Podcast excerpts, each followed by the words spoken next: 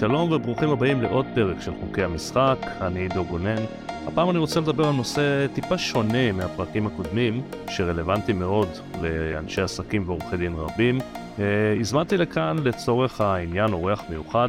שלום לדוקטור יצחק צחי בן ציון, מנהל השירות לבריאות מינית במרכז רפואי סורוקה ופסיכיאטר מחוז הדרום בכללית שירותי בריאות. שלום וברכה.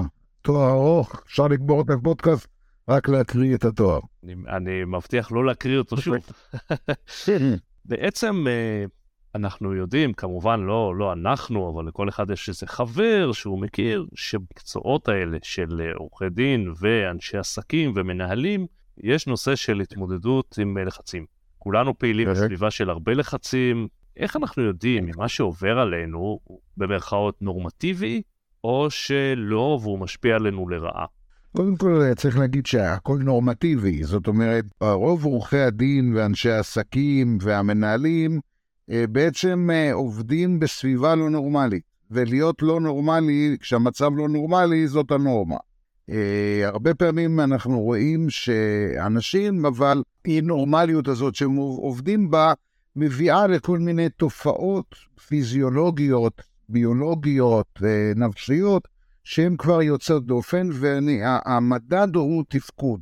זאת אומרת, אם רואים שבן אדם כבר, התפקוד שלו הוא לא כימים ימימה.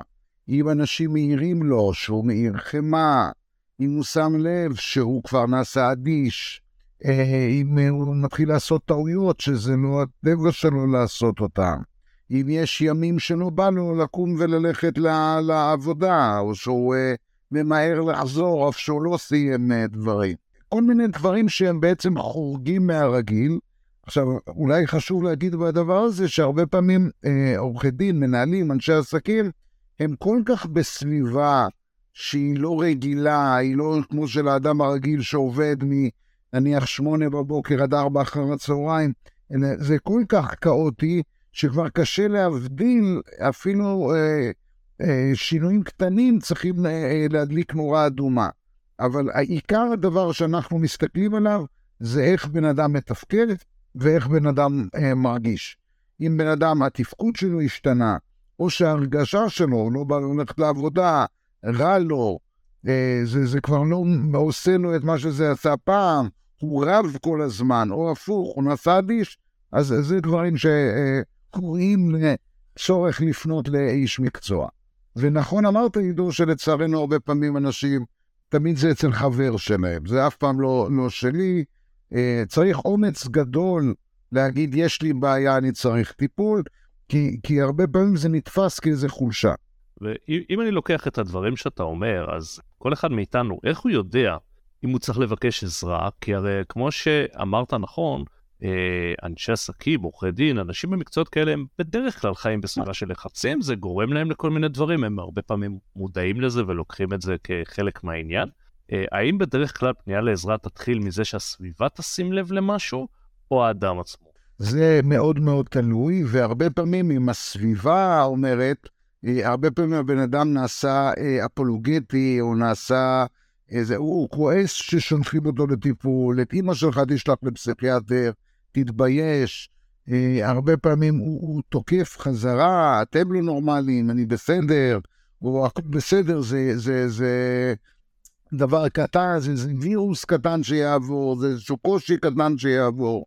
אה, אז, אבל לפעמים אה, אני רואה, מה שנקרא, אנשים מגיעים אליי אחרי שאישה, בת זוג, או הבן זוג, או הייתה לי, לי מישהי שהמזכירה שלה, הביאה אותה, כי למזכירה, המזכירה הבכירה שלה, שהן חברות מהרבה זמן, היא ככה בגרון הביאה אותה. לפעמים הילדים מביאים את, את האב אה, שהוא צריך אה, טיפול, אבל בחלק גדול מהמקרים אנשים אה, מגיעים מעצ... בעצמם, בעצמם, אבל אתה יודע, פרויד אמר דבר יפה. הוא אמר שפצע הוא תחילתו של ריפוי. אם אתה לא מבין שיש לך פצע, יהיה לך מאוד מאוד קשה לרפא אותו. זאת אומרת, אם אנשים מגיעים כי שלחו אותם, אני פה בגלל אשתי, אני פה בגלל הילדים, אני פה בגלל המזכירה, זה הרבה פעמים לא, לא יוליך ללקיחה של טיפול, לקבלה של טיפול. אה, אז, אז אה, צריך בן אדם לפעמים להבין שיש לו בעיה, להבין שיש לו פצע, ואז כמו שפרויד אומר, זה יתחיל את הריפוי.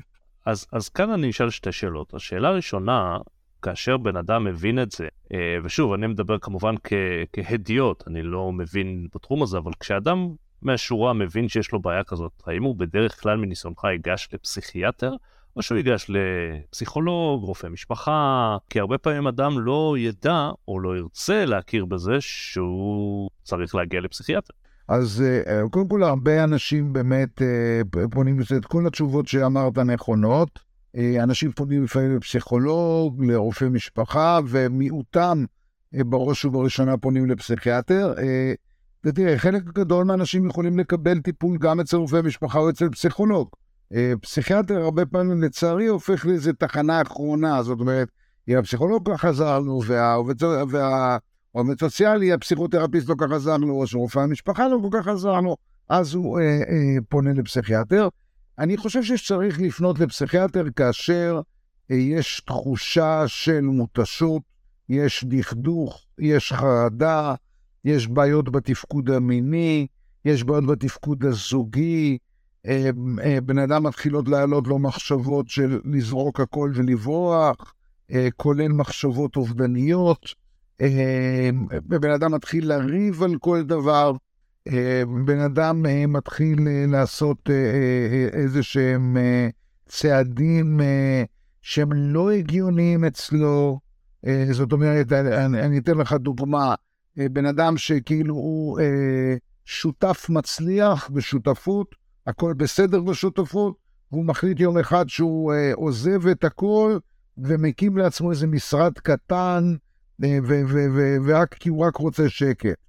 או שמישהו מחליט, עוזב את הכל נניח אה, בשותפות, נותן את הכל לשותף, הנה אני חותם לך, אה, זה רק תעזבו אותי, או כל מיני צעדים דרסטיים כאלה. אה, במקרים כאלה אני חושב ש, שכדאי לקבל עזרה. ובהקשר למה שאמרת קודם, שאנשים לפעמים מגיעים נניח אליך בגלל אשתי או בגלל אנשים אחרים ששלחו אותם, האם בדרך כלל כשאדם כזה כבר מגיע, יש לפסיכיאטר את הכלים להסביר לו שיש לו בעיה, או שלא תמיד, שלפעמים הוא יגיד, אני באתי בשביל אשתי, תודה רבה, אני עושה וי, וזה הכל.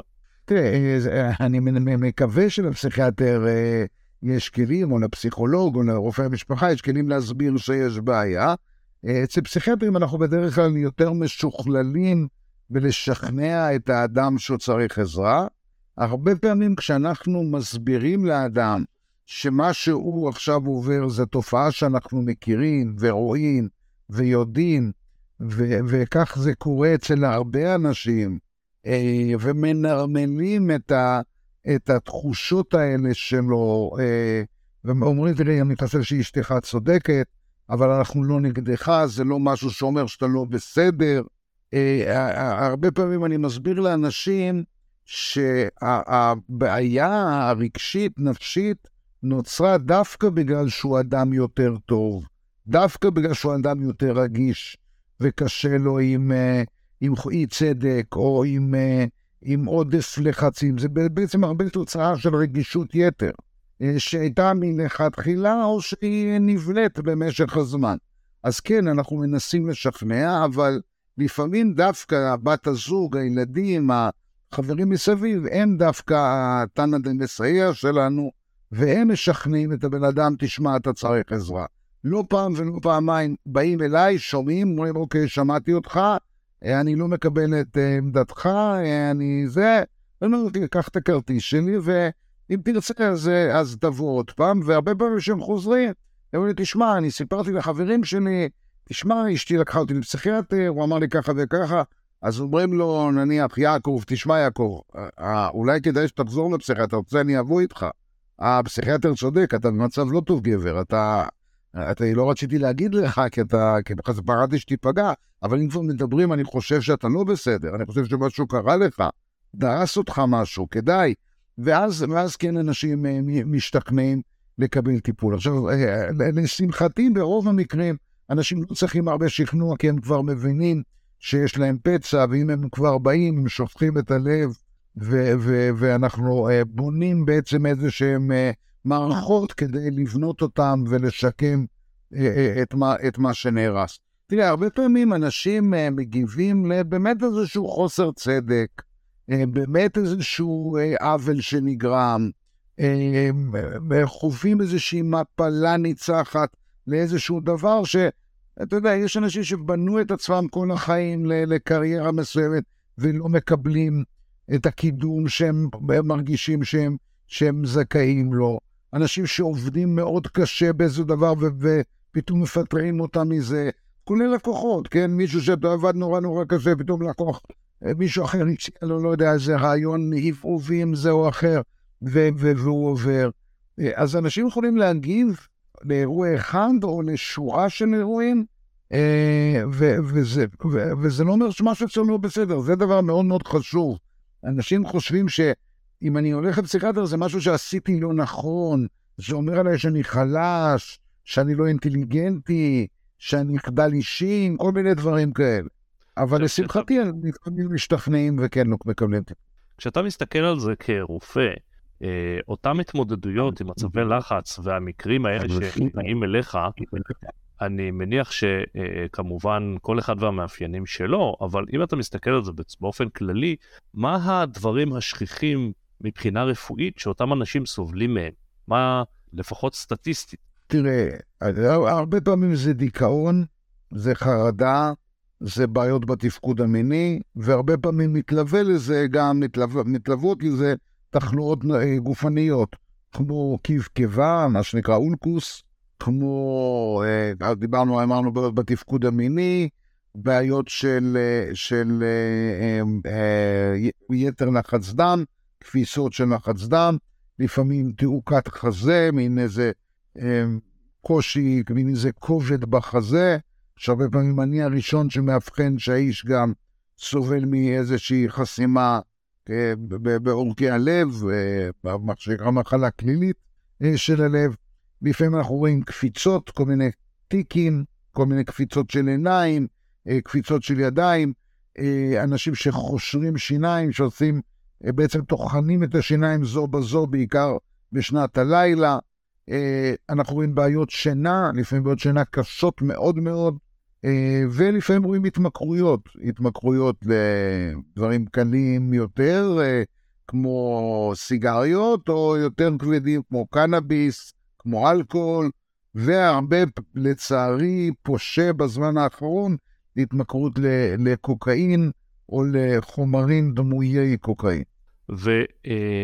והדברים הפיזיים האלה שאתה מתאר, הם דברים, אה, אה, הם בעיות רפואיות בפני עצמן, שהן נובעות בדרך כלל מהעניין הנפשי, שאם נפתור אותו, הם ייפתרו. אה, לא תמיד הם ייפתרו, אבל בוודאי הם יוקלו, ואנחנו מטפלים בשני הדברים בעת ובעונה אחת. זאת אומרת, אנחנו בעצם עובדים כצוות יחד עם רופא המשפחה, או רופא יותר לחץ הדם, או ראומטולוג. יש למשל מקרים שבהם יש דאבת, מה שנקרא פייברומיאלגיה, זה בעצם הכולי ווג'ה, הכל כואב, כואב הראש, כואב כתפיים, כואבים מפרקים, חולשה, קשיי זיכרון. אז הרבה פעמים עובדים ביחד, ואנחנו מטפלים גם בחלק הנפשי, אבל צריך לטפל גם בחלק הגופני, כי החלק הגופני הוא לא פחות מסכן, ואולי אפילו יותר מסכן מהחלק הנפשי.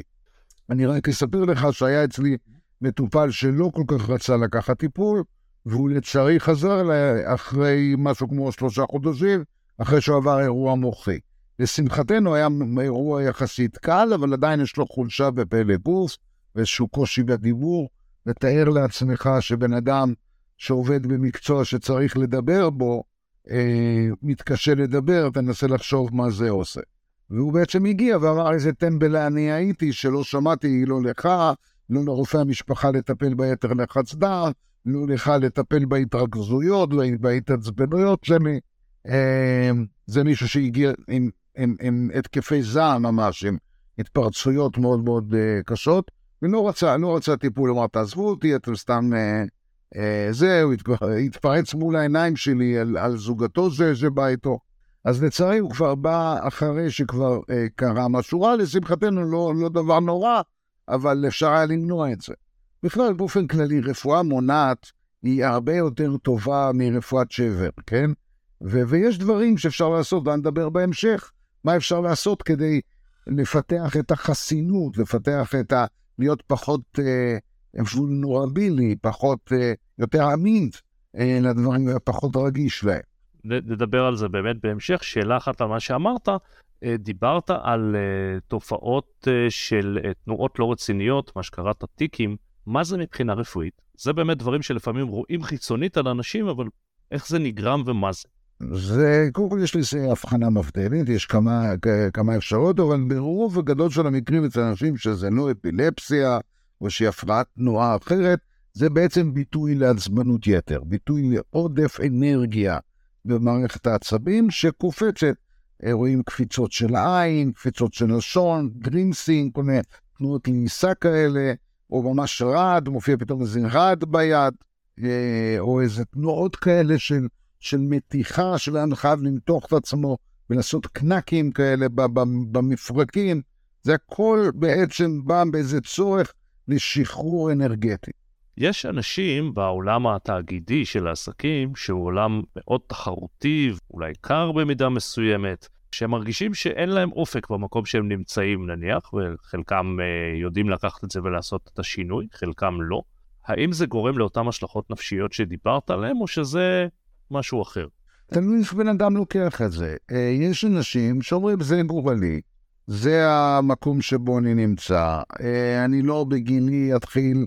אני לא עושה מהפכות עד שהגעתי ל, לעמדה הזאת, אני, אני עבדתי נורא קשה, ובעצם הוא נכנס לאיזה אפרוריות של יום-יום, אם הוא רק שומר על הגחלת, מה שנקרא, שלא יגדל, שלא יקטן, שלא, שלא לא יקיע שורשים ולא יצמיח עשב. כן, הכל כזה מאוד מאוד מאוד מתון, ויש אנשים שמסוגלים לעשות את האפרוריות הזו, למשך הרבה מאוד זמן, לעשות אותו דבר, אה, והדבר הזה לא, לא, לא, לא עושה איזושהי בעיה. לעומת זאת, אצל חלק אחר של האנשים, זה בהחלט יכול להשית דיכאון, חרדה, אה, התפרצויות זעם, אה, ייאוש, כל מיני מחלות גופניות. יש מחקרים שהלכו ובדקו, אתה יודע, יש uh, בעבודות הרבה יותר פשוטות מאשר ממשל תאגידי או של עורכי דין או רואי חשבון, עבודות פשוטות, בן אדם שכל היום צריך להדביק בולי דואר, אוקיי? על uh, מעטפות, כן? והלכו ובדקו האם האנשים האלה יש להם איזושהי בעיה. ומצאו שמה שמאוד מאוד חשוב זה מהו, איזה, אה, אה, מה, מהו כאילו אה, הנשמה היתרה שיוצא מהעניין הזה. אלה שמדוכאים, מצאו שאומרים, אני כל היום יושב מדביק בולים ושולח, הבנק שולח. ולעומת זאת, אלה שטוב להם, אז אומרים, אני שולח מכתבים לאנשים שיש להם חוב, וש, ו, וככה הם יודעים לבוא לבנק ולהסדיר את החוב, ובזכות זה הם, הם, הם, הם לא ייכנסו לחובות יותר גדולים. או אני מודיע לאנשים עם המכתב הזה, עם הבול דואר הזה, אני מודיע להם שיש להם יתרה וככה הם ישקיעו את זה וירוויחו הרבה כסף. זאת המשמעות היא דבר מאוד מאוד חשוב. אז אותו דבר גם בממשל התאגידי, אם אני רואה אה, אנשים שנמצאים באיזה עמדה שאומרים, אני שומר על הקיים, אני דואג שהעסק הזה לא, לא יעשה יותר מדי ולא, ואני, ואני שומר על המתינות, ואחרי רואה, אני משתגע מזה, כל פעם לעשות אותו דבר, כל יום נראה, זה, ואני אני לא, אני לא יכול יותר. זה, זה מאוד uh, תלוי האם בן אדם מרגיש שהוא הגיע למקום שהוא רוצה, ושהוא עושה דברים שנראים לו חשובים, מול בן אדם שכאילו שהוא שם כי תקעו אותו, כי לפני כמה זמן היה לו דוד שהיה מנכ"ל הבנק ושם אותו בעמדה הזאת. אז, אז, מה זה? זה? זה לוקח אותי לשאלה באמת אה, טיפה שונה כמובן מבולי הדואר, שאפשר לראות אותם כמו שאתה אומר בשני סוגים, אבל היום יש איזו הרגשה במרכאות שאין יותר מנוחה ונחלה, אלא העולם משתנה במהירות מטורפת, כל הזמן צריך להסתגל למשהו חדש, או שתלך אחורה. ואומרים שמי שמנצח ומתמודד זה מי שיודע להסתגל, וזה נשמע הגיוני. ומה שרציתי לשאול אותך, האם זה באמת אה, כך, והאם האדם יכול להסתגל לשינויים כל כך מהר, או שיש לזה השפעות נפשיות למהירות שבה דברים היום קורים ומתפתחים? אה, קודם כל יש לזה השלכות בטוח, אנחנו יודעים שהעולם נעשה יותר ויותר חולה בגלל השינויים התכופים האלה, אוקיי? העולם שבו בן אדם היה בא בשעה מסוימת לעבודה, עושה אותו דבר וחוזר, וכל יום נראה כמו היום הקודם, זה, זה אה, כבר כנראה לא, לא כל כך קיים. אפילו במקומות עבודה מאוד מסודרים, כל הזמן מצפים ממך להגדיל תפוקות, להראות תוצאות, להביא לקוחות, לשמר לקוחות, לעזור, לתמוך, אפילו, אפילו מצפים ממך לעזור למזכירות בטלפונים ולמנקה בניקוי האבק. זאת אומרת, אתה אמור לעשות את, את, כל, את כל הדברים בעת ובעונה אחת. אני בטוח שיש לזה מחיר, אנחנו רואים יותר ויותר מחקרים שמראים את זה. צריך להבין שהקורפורציות הגדולות לא כל כך מעוניינות לתמוך במחקרים כאלה, כי בעצם אנחנו אומרים, תקשיבו חברים, אתם הורגים את העובדים שלכם. אנחנו, התוצאות הן בדרך כלל תוצאות רטרוספקטיביות, זאת אומרת, זה לא פרוספקטיבי שאני לוקח את כל מי שסוחר בבורסה, את כל חברי הפירמה לעריכת דין או ראיית חשבון או, או, או ביקורת, כן, ועוקב אחריהם לאורך זמן, ורואה שככל שהם יותר מעסיקים אותם ויותר מגלגלים אותם, הם מנסים יותר חולים. כאלה מחקרים אין. אבל אני יכול להגיד לך מהקליניקה, ואני מטפל בהרבה עורכי דין, רואי חשבון, אה, מבקרים, אה, סוחרי בורסה, אנשים מקרנות נאמנות וגידור והייטק. ההקטיק אה, ריאליטי הזאת, הזה שהכל מבולגן, בוודאי מפיל אחריו חללים רבים, והצרה הגדולה היא שהרבה פעמים הם בעצם כבר נפלו חלל, אבל הם ממשיכים לתפקד פצועים. ודבר שגם אה, הורס להם, וגם בסופו של דבר הורס את התוצאות העסקיות. אחת הבעיות שיש לנו למשל במשרדי עורכי דין או רואי חשבון, שלוקחים אנשים, בעצם רוב האנשים בפירמה הם מתוסכלים, כי יש איזו שכבה דקה של מרוצים, והם דורכים או עומדים על כתפיים של הרבה אנשים שעובדים הרבה וקשה והם פחות מרוצים, וככה הדבר הזה מתגלגל, ולצערי זה נהיה איזשהו, אה, כך, ככה זה בנוי, ואותו דבר בחברות תאגידיות, שיש איזה כמה כאלה שהם בעמדות ניהול והם מאוד מרוצים, ולאט לאט מתחתיהם פירמידה של יותר ויותר לא מרוצים, ואנשים שמרגישים שלא מקבלים הוקרה כלכלית וכבוד, זה, זה גם חשוב, אנחנו הולכים לעבודה לא רק בגלל כסף, הולכים לעבודה גם בגלל כבוד. הרבה אנשים לא מבינים שמקום העבודה הוא הרכוש שלנו, הוא, הוא גם שלנו, זאת המקום הזה, המשרד שלי, המזכירות, זה, זה, זה חלק מהחיים שלי. ו, ו, והרבה פעמים ההזזות האלה וה, והתזזתיות הזאת היא, היא, היא לא בריאה. אני אה, רוצה להתייחס גם לנקודה שהיא טיפה אולי שונה ולא כל כך דרישות אה, מעסיקים, אלא אה, שינויים טכנולוגיים שבהרבה מאוד מקומות קורים מאוד מהר, כמובן בסקטור ההייטק רואים את זה בצורה הכי אה, חזקה, אה, אבל גם במקומות אחרים. אה, אני אולי אתן כמה דוגמאות שאולי הן לא כל כך מהירות, אה, אבל רק כדי אה, אה, להמחיש את זה, כמו שפעם אה, היה אינטרנט, אחרי זה היה אייפון, אחרי זה היה פייסבוק וגוגל וכולי וכולי וכולי, ויוצאים המון המון שינויים, שאנחנו כאנשים צריכים להסתגל עליהם, לא דווקא במקום אה, מקצועי כזה או אחר, וכמובן השינויים האלה שמניתי הלכו בשנים, אבל יש הרבה דברים שמשתנים הרבה הרבה יותר מהר. אה, סתם כדוגמה, שאם פעם אה, היינו בפייסבוק וזה היה משהו חדשני, היום במרכאות הזקנים הם בפייסבוק, הצעירים הם באינסטגרם, והנה, לא הספיקו להגיד ג'ק נולד הטיק טוק, ושבכלל יש אה, הרבה אנשים שלא מכירים אותו, ותוך זמן קצר אתה כבר צריך להסתגל, נאמר, גם אליו, כי אם אתה רוצה לשווק ולהיות שם איפה שהקהל שלך, אז אתה חייב להיות שם. אה, וזה כמובן רק דוגמה. הכוונה שלי לשאול האם הדברים המהירים האלה גורמים לנו גם לאיזה השלכות נפשיות, או שהגוף האנושי, או המוח האנושי, בנוי לזה, וזה לא מעורר איזה בעיה מיוחדת. שאלה מצוינת, עידו. האמת היא שאנחנו לא בנויים לשינויים האלה. כשאנחנו הולכים ובודקים, אה, יש מדד שאומר כמה זמן עבר עד שלמיליון אנשים הייתה טכנולוגיה. אז למשל, אה, עד שמיליון אנשים היה להם טרנזיסטור, אה, לקח משהו כמו עשר שנים. עד שלמיליון אנשים הייתה טלוויזיה, כבר לקח משהו כמו כמה חודשים. עד שלמיליון אנשים היה מכשיר סלולרי, כבר היה מספר שבועות. עד שלמיליון אנשים היה בתוך הטלפון הסלולרי טלפון חכם, זה כבר היה יותר ימים.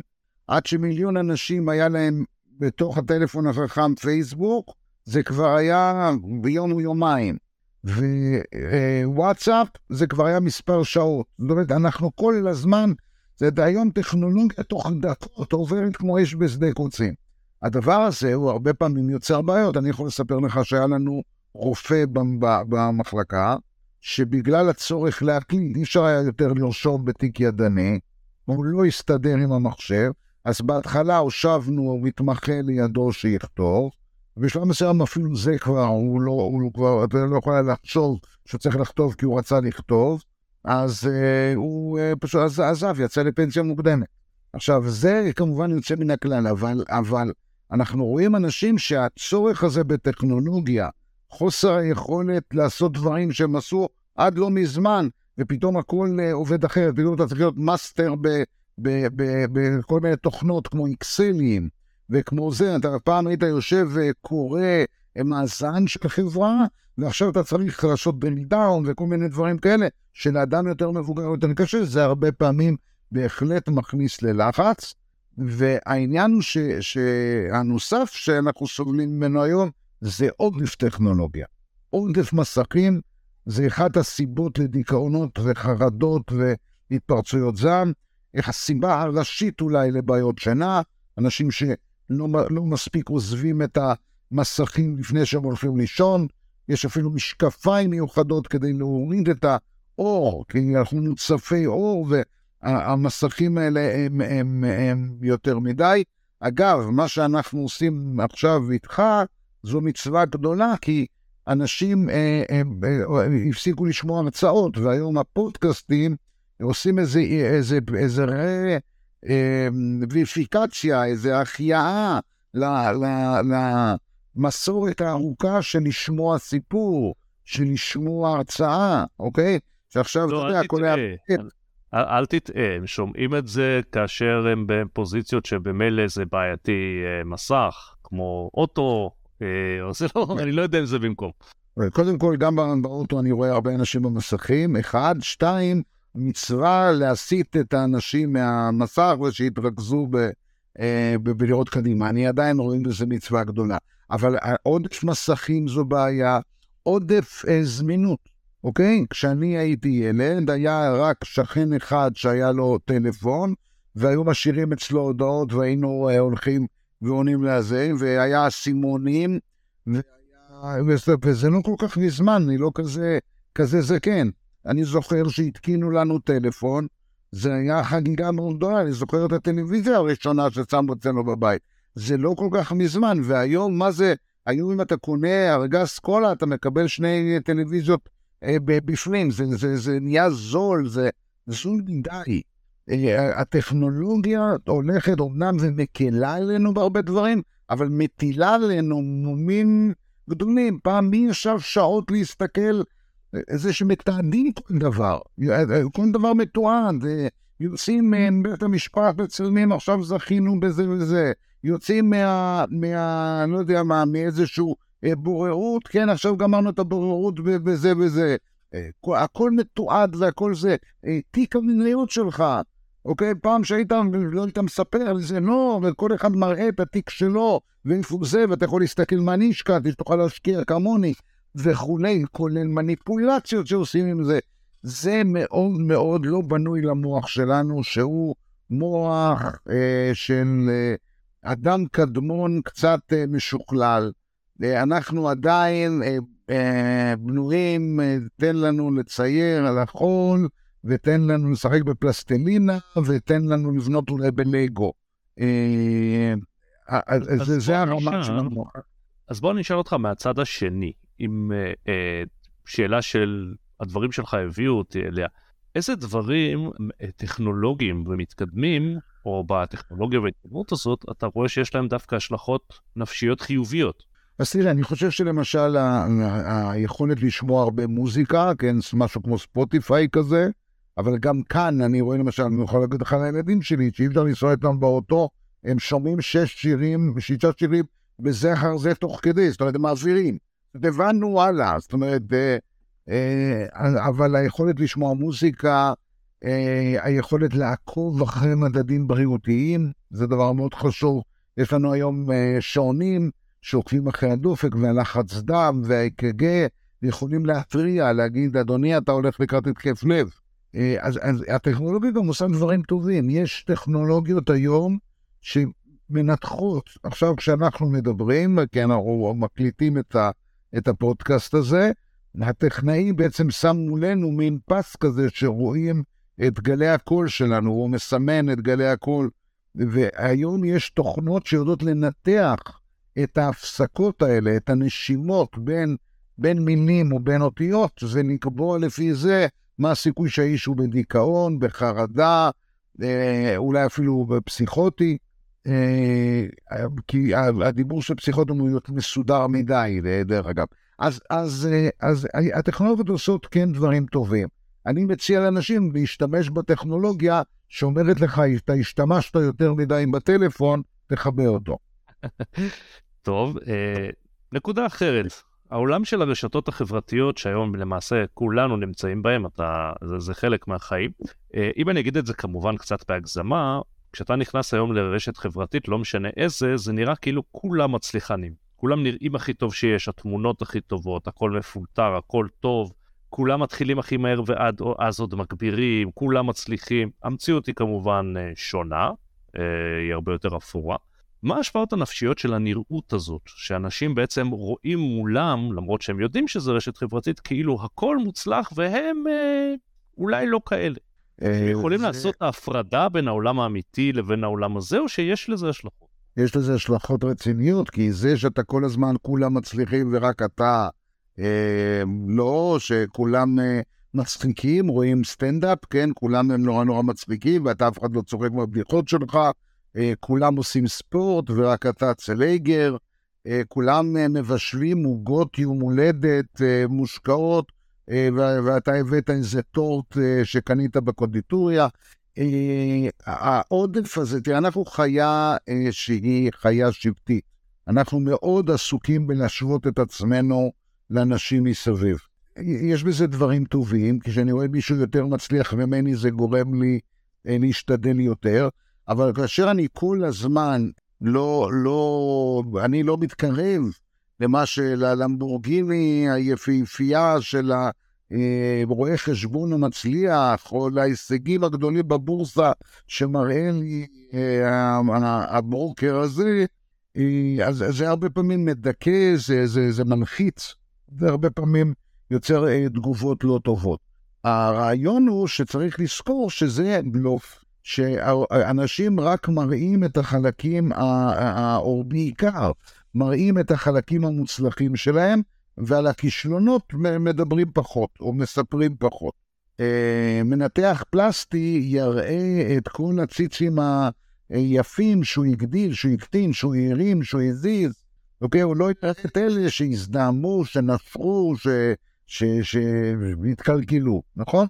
ו- ו- ואז, למשל, אם ניקח את זה מהעולם הזה, שמישהי מסתכלת, היא אומרת, מה זאת אומרת, זה, זה ניתוח של כלום, אני הולכת, אני כמו החתיכה הזאת ב- ב- בתמונה, אבל אני לא מקבלת את התמונה האמיתית. אה, הגם שמחתימים אותה על אינפורם קונסנט, שהיא מבינה את כל הסכנות, היא זוכרת, היא לוקחת איתה את הדברים האלה. אנחנו יודעים את זה מעידן הסיגריות, כן? הראו לנו כל מיני מוצלחים מעשנים, ואז uh, הרבה אנשים באופן לא מודע, אני רוצה לעשן כמו המפורסמים. ברגע שעשו את זה, אתה לא יכול היום להראות פרסומת של מישהו מעשן, אוקיי? ואתה לא יכול לזה, להראות את הקופסה של הסיגריה, והדברים האלה שחבר הכנסת לשעבר גליק עשה, בהחלט טעמו להורדת עישון. זאת אומרת, יש משהו בזה שמראים לך כל הזמן את כמה כולם מצליחים, בלדכא אותך שאתה, שאתה פחות מוצלח, וחשוב לזכור שאני מסתכל על זה, אה, כמו שאני מסתכל בסרט של ספיידרמן, והוא לא באמת הולך על קירות, ובסופרמן הוא לא באמת אה, אה, עף. אז ככה, במה שרואים בסרט פורנו, אה, לגברים רגילים אין כאלה איברי מין, ומה שרואים בבלוג של ה... עורך דין המצליח, לעורך דין הרגיל אין למבורגיני, ויש גם סיכוי שהלמבורגיני שהוא מראה לך היא לא שלו, אבל צריך לזכור את, ה, את, את מוטיב, מרכיב הבלוף בעניין הזה. דיברת מקודם על uh, נושא של התפרצויות זעם uh, וכל מיני דברים אחרים, ואני רוצה לשאול בכלל נושא של uh, לחצים והשפעות שמוליכים לכל מיני רגשות, מועקות, עצב, שמחה, אגרסיביות. מבחינה ביולוגית, מה התפקיד של רגשות ומה מפעיל אותם, והאם אנחנו יכולים לשלוט בזה או לתכנן התנהגות מסוימת כדי לעורר אצלנו את הרגש הזה? אנחנו, אה, קודם כל, אנחנו לא את הכל יודעים. אה, חלק מהרגשות לא בדיוק אה, זה, יש לנו כל מיני הסברים, אבל, אבל זה לא את ההסברים אתולוגיים מעולם החי, אבל אין לנו ידיעה ברורה. אנחנו יודעים ש, שרגשות, מטרתם העיקרית זה לגייס, כן? לגייס משאבים, או פנימיים או חיצוניים. למשל, כשאנחנו בוכים, רוב האנשים שאתה תבכה יבואו וישאלו מה קרה איתו, למה אתה בוכה, יציעו לך טישו, אה, בת הזוג תלטף אותך, הילדים יתקרבלו עליך, יש משהו כאילו, אה, אתה הופך למין גרור רטוב ונזקק כאשר אתה, כאשר אתה אה, בוכה. אה, כאשר אתה צועק, אנשים נרתעים ממך, אנשים מפחדים ממך. זה מניע אותם לפעולה. כאשר אתה מתפרץ, אנשים אומרים, פופ, פופ, אולי עשינו משהו לא בסדר, אולי לא זה, כן? כולם יודעים שאם אתה תתפרץ ב... לא יודע, באיזה משרד ממשלתי, יש סיכוי שתקבל את מה שאתה רוצה יותר, מאשר אם תדבר יפה. אז, אז הרגשות יש להם uh, תפקיד. היכולת לשלוט בהם זו אמנות מאוד מאוד גדולה, וככל שאנחנו מצליחים יותר לשלוט ברגשותינו, ככה אנחנו מצליחים לעשות יותר, יותר דברים. אחד מה... למשל, יש אה, שחקנים שיודעים לעורר רגש בך על ידי זה שמשחקים רגש. אה, יש אה, סיפור מאוד מאוד יפה על אחד מגדולי השחקנים בהבימה, שהוא יכול היה רק להרטיט את הכתף, וכל הקהל היה פורץ בבכי. כן, זה היה איזה משהו כזה נזקק.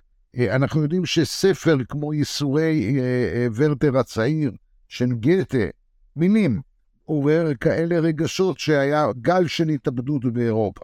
אומרת, אנחנו יכולים בהחלט לעורר רגשות, והיכולת לשלוט ברגשות היא בעצם סוג של אומנות או אומנות שמאפשרת לאנשים להשיג דברים בחיים. למשל, היכולת לעורר במישהו אמון, כן? גם אמון זה סוג של רגש. זה דבר שמאפשר, למשל במשא ומתן, מאפשר יכולות יותר, יותר טובות. היכולת להיות אדיש, אם מאיימים עליך, למשל, אני אקח אותך, אני אראה לך וזה, ומישהו כזה מראה זה, וזה לא מתפרץ. זאת אומרת, כן, אני מבין שאתה רוצה, אתה מוזמן, וכל הגבול, לא, כן, תראה, תיקח אותי. זאת אומרת, יש, אה, אה, היכולת השליטה הזאת, אה, ככל שאתה שולט בה יותר טוב, ככה אתה יכול להגיע ליותר הישגים, ואנחנו, בעזרת הטיפולים שלנו, בחלק מהמקרים עוזרים לאנשים לעדן את, ה, את, ה, את הרגשות הלא מוצלחים שבסופו של דבר פוגעים בהם.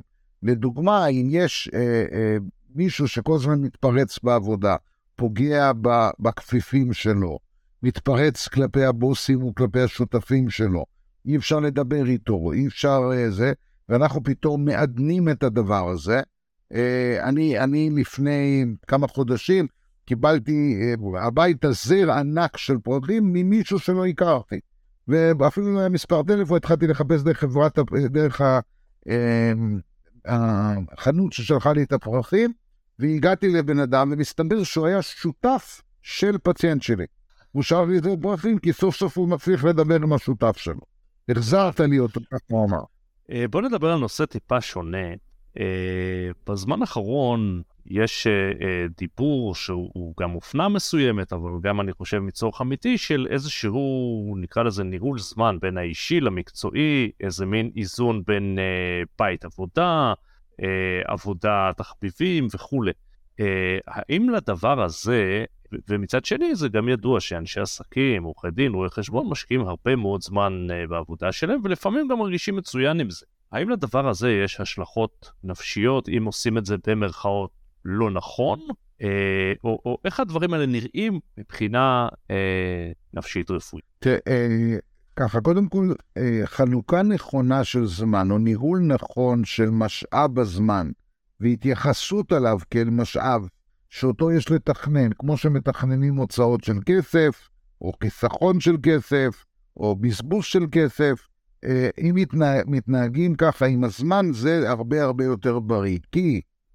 עודף השקעה של זמן וחוסר חלוקה נכונה, או אין חלוקה אידיאלית, אבל ניסיון לחלוקה, להבנה שיש עוד תחומים שצריך להשקיע בהם זמן, אה, מאפשרת בריאות. אה, למשל, הרבה פעמים אנשים שמשקיעים הרבה זמן בעבודה, ואפילו שנוח להם, זה בא על חשבון זמן זוגי. זה בא על חשבון זמן לתחביבים. זה בא על חשבון זמן לפעילות גופנית. ותתפלא, זה אפילו בא על חשבון זמן לאכול. אני רואה לא אחת ולא שתיים מטופלים שלי שאוכלים תוך כדי עבודה, אוקיי? אם הם בכלל אוכלים, או שחוזרים הביתה אחרי שכל היום לא אכלו שום דבר, שתו בערך 15 כוסות קפה, והייתה איזשהו נשארה עוגה במקרר מהמסיבה של היום הולדת בשבוע שעבר, שאותה הם ככה דחפו בזמן הקפה המספר 14, ואחרי זה זה נתקע להם בגרון, אז הם שטפו אותו עם קפה מספר 15, אוקיי? ואז הם חוזרים הביתה בשעה 10 בלילה, פותחים את המקרר, וכל מה שיש שם עובר מכירת חיסול לזה. זה חיים מאוד מאוד לא בריאים, והדבר הזה נגמר עם אולקוס ועם דחורים ועם, ועם יתר לחץ דם ועם סוכרת ועם כל מיני כאלה, וזה בגלל חוסר השקעה של זמן. לא היה לי זמן לאכול, זה דבר שאתה תשמע הרבה פעמים במקצועות שלכם, אוקיי? או אין לי זמן לפעילות גופנית, או אין לי זמן לאשתי, או אין לי זמן לילדים. אנחנו מוצאים הרבה מאוד אה, אנשים במקצועות החופשיים שהופכים, מה שאנחנו קוראים לאסקסואלים, הם, הם בעצם מדכאים את המיניות שלהם. כי זה דבר נורא דורש זמן, ללכת, למצוא בזוג, לחזר אחריה, ללכת לכם על הזמן. אז אני מדי פעם אולי מעונן באמבטיה, ואולי גם זה לא, ו, ואני רואה אנשים שאין להם זמן לזה. ואין זמן, ואין זמן, ואין זמן, זה נובע, זה לא שאין, זה חלוקה לא נכונה. עבודה בשבתות, חוסר לקיחה של חופשות. אוקיי, אני שומע מאנשים שהם היו, אני שואל, מתי היית בעזרה בחופש? אני אומר, אני אומר, הייתי באוסטריה לפני חודשיים. כן, מה עשית שם? אה, היה לנו פגישת עסקים וזה. אמרתי, היית במוזיאון או איפה היה לי זמן למוזיאון? אני אומר לך פגישות עסקים. אז זה נקרא אצלו חופשה. הזמן בשדה התעופה לפני הטיסה.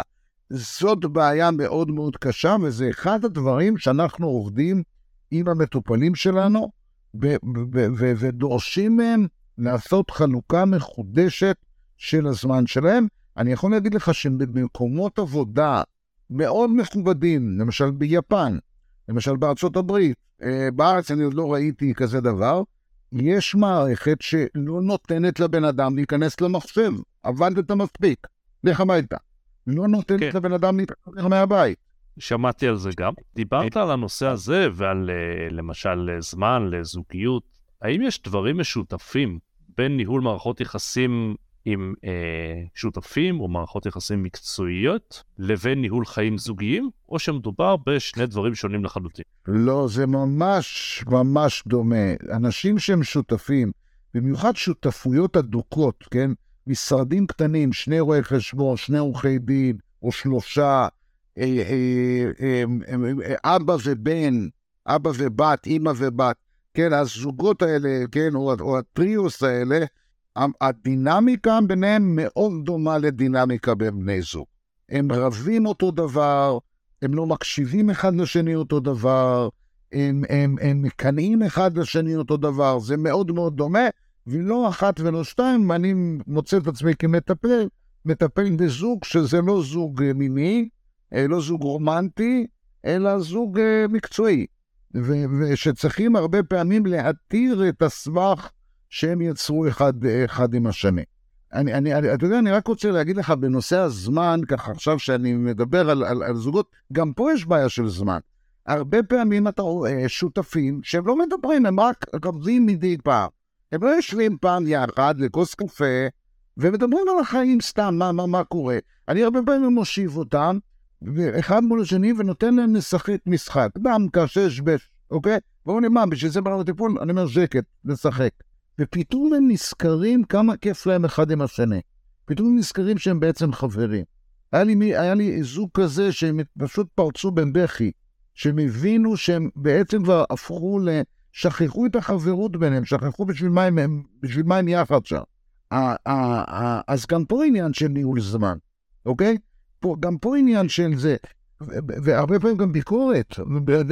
לך לך לאופנועים שלך, לך לך לציורים שלך, אולי תצייר לך, באמת, במקום שאני אשב פה ואתה תצייר. וככה אנחנו רואים עוד ועוד ועוד. אה, אז גם פה הניהול הזה הוא קשה, והרבה פעמים אנשים כאלה צריכים ללכת לטיפול משפחתי, טיפול זוגי, כי אם, כי זו משפחה, כי זה זוג. אני מבין. דיברת מקודם על מצב שבו לאנשים אה, בחיים המקצועיים שלהם אין זמן או אין זמן כביכול, וזה מביא אותם אפילו למצב שבו הם מוותרים אה, על כל הנושא המיני. אני רוצה לשאול הפוך, האם כשלאנשים יש אה, חיי מין טובים, האם זה מתבטא בתפקוד במישורים אחרים כמו עבודה, או אין קשר בין הדברים? אה, שאלה מצוינת. אה, תראה, קודם כל, צריך להבין שאני אה, לא רואה את אלה שיש להם חיי מין טובים, אלא את אלה שיש להם, בתור פסיכיאטר ורופא מין, סקסולוג, אני, אני רואה רק את אלה שיש להם צרות, שיש להם בעיות. אלה שטוב להם לא דופקים על דלתי ואומרים לי, דוקטור בן ציון, שלום, נסענו לפה לתל אביב, או נסענו לעומר, כדי, כדי לספר לך כמה טוב לנו. זה בדרך כלל לא המצב. אבל אני יכול להגיד שהמחקרים מראים, וגם הניסיון הקליני כשאני מטפל באנשים בדברים אחרים, שמיניות טובה זה דבר מאוד מאוד מבריא, בעוד שמיניות רעה זה דבר, או זוגיות רעה זה דבר מאוד מחליא, אוקיי? אה, צריך להבין שמיניות טובה אומרת גם שהגוף עובד יותר טוב, שהגוף הוא בריא. אה, חוסר תפקוד מיני או תפקוד מיני רעוע, מדבר על תפקוד גופני לא טוב, גם אצל נשים, גם אצל גברים, בעיות הורמונליות, בעיות בזרימת דם, בעיות, בעיות עצביות. ברגע שהבריאות טובה, אז גם המיניות טובה. אז ברגע שבן אדם מתפקד טוב מינית, זה אומר שגם הגוף שלו יותר בריא. ואם בן אדם יותר בריא, הוא עושה את הדברים יותר נכון. אה, ואנשים אה, שעושים סקס, הרבה פעמים הם יותר רגועים.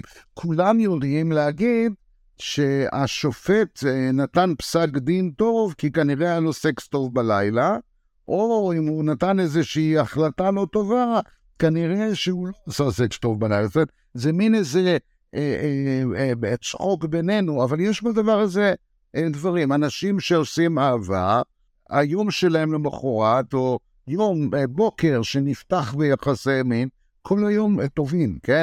כל היום נראה אחרת. אז יש, יש בזה משהו. האם זה אומר שבמקום לעבוד צריכים לקיים יחסי מין? לא, זה דברים שצריכה להיות שוב במסגרת התמהיל של הזמן. אנחנו צריכים לעשות גם זמנים לאהבה, אבל לצערי הרב, הרבה פעמים אנשים לא עושים את זה. כמו שאומר ניר הראל בשיר שלו, זה עושים אה, במקרה, או אם אפשר במקרה, כן? אה, כן. הרעיון, הרעיון הזה ש... שאני לא, אם זה מזדמן אז טוב, ואם לא זה אז גם טוב. אברי אה, המין שלנו הם אברי use it or lose it, או שאתה עובד איתם או שאתה מאבד אותם. ואם אתה לא מפעיל את המערכת הזאת מספיק זמן, אז נוצרת איזושהי הזרה, אליניאציה. אנשים כבר, הם, הם לא בעניין. שלא לדבר על זה שאני רואה הרבה פעמים אנשי מקצוע חופשיים כאלה, שמאזיני הפודקאסט, שהולכים לכיוונים של צריכת שירותי זנות, התמכרות לפורנו, אה, כל מיני צרות כאלה שגם בזה צריך לטפל, וחבל, כי שוב, הרי למה זה התחיל? זה התחיל כי זה תחליף, כי זה משהו שאפשר לעשות יותר מהר ועם פחות השקעה, אבל, אה, ואז נכנסים בעצם לצרה חדשה. אז שאלה אחרונה בנושא הזה, כי באמת זה לא, לא נושא הפודקאסט, יש איזה משהו שאומרים כחצי בדיחה על אה, עורכי דין ועל ספורטאים, שלפני אה, משחק תואר חשוב או דיון חשוב בבית המשפט, נכון להימנע מיחסי מין. יש בזה אמת רפואית בדבר הזה? אה, אז, אז זה דבר שנבדק, אתה צוחק, אבל גם, גם את זה אנחנו בודקים. ובדקו את זה אצל שחקני כדורגל, אני לא מכיר שבדקו את זה אצל עורכי דין. לקחו קבוצה של כדורגלנים, ומחלק מהכדורגלנים ביקשו להימנע מקיום יחסי מין ערב משחק חשוב, וחלק ביקשו דווקא לקיים אה, אה, אה, בערב משחק חשוב, אחרי זה החליפו ביניהם, ואחרי זה נתנו לכל אחד לעשות מה שהוא רוצה. זאת אומרת, היו שלוש פאזות. ומצאו שהכי טוב זה לתת לבן אדם לעשות מה שהוא רוצה. כי יש שחקנים שזה משפר את התפקוד שלהם, יש שחקנים שזה פוגם בתפקוד שלהם, יש כאלה שזה לא משנה, ולכן צריך לתת לכל שחקן אה, למצוא את דרך המלך שלו. לכן מומלץ לעורכי דין לפני, לפני דיון חשוב לנסות לראות אם זה עוזר להם, או זה עושה להם דווקא רע, ולחזור על אותו דבר. בדיוק כמו אמונה תפילה, שאתה הולך עם אותה חולצה ואותם נעליים, ועם אותה עט ועם אותה גלימה. אז, אה, אז, אז אה, כדאי לעשות את הדברים שעבדו אצלך פעם קודמת. לסיום, אני אשאל שאלה אחרונה לנושא שדיברת עליו אה, קודם לכן. איך מפתחים חסינות כדי אה, בעצם אה, לא לחלות או לא להיכנס לתוך כל אותן תופעות שדיברנו עליהן בהתחלה? אוקיי, okay, אז, אז בדבר הזה אה, יש כמה כללים מאוד מאוד ברורים. אחד זה פעילות גופנית, לפחות יום כן, לפר, יום לא, לפחות שעה, ולעשות פעם וחצי את דופק הבסיס. אם יש לך 80, להגיע ל-120, אחד וחצי כפול 80. אה, פעילות כזאת היא מחזקת את מערכת העצבים ומשפרת מצב רוח, משפרת תפקוד מיני, אה, משפרת סיבולת לב ריאות, וזה לא משנה אגב, יכול לעשות הליכה, ריצה, שחייה, אופניים, ובלבד שזאת תהיה פעילות אירובית. שתיים, לאכול מאוזן, להיות רודף בצע, לאכול בוקר, צהריים, ערב. ובכל ארוחה להקפיד לאכול את כל הצבעים ואת כל אבות המזון, בדגש על כמה שפחות פחמימות. אנחנו בעולם שאוכל יותר מדי פחמימות, כדאי להימנע מזה, לאכול יותר חלבון וירקות. בשר, דגים, ביצים, אה, מי שצמחוני או טבעוני, טופו וכולי, אבל חלבון וירקות.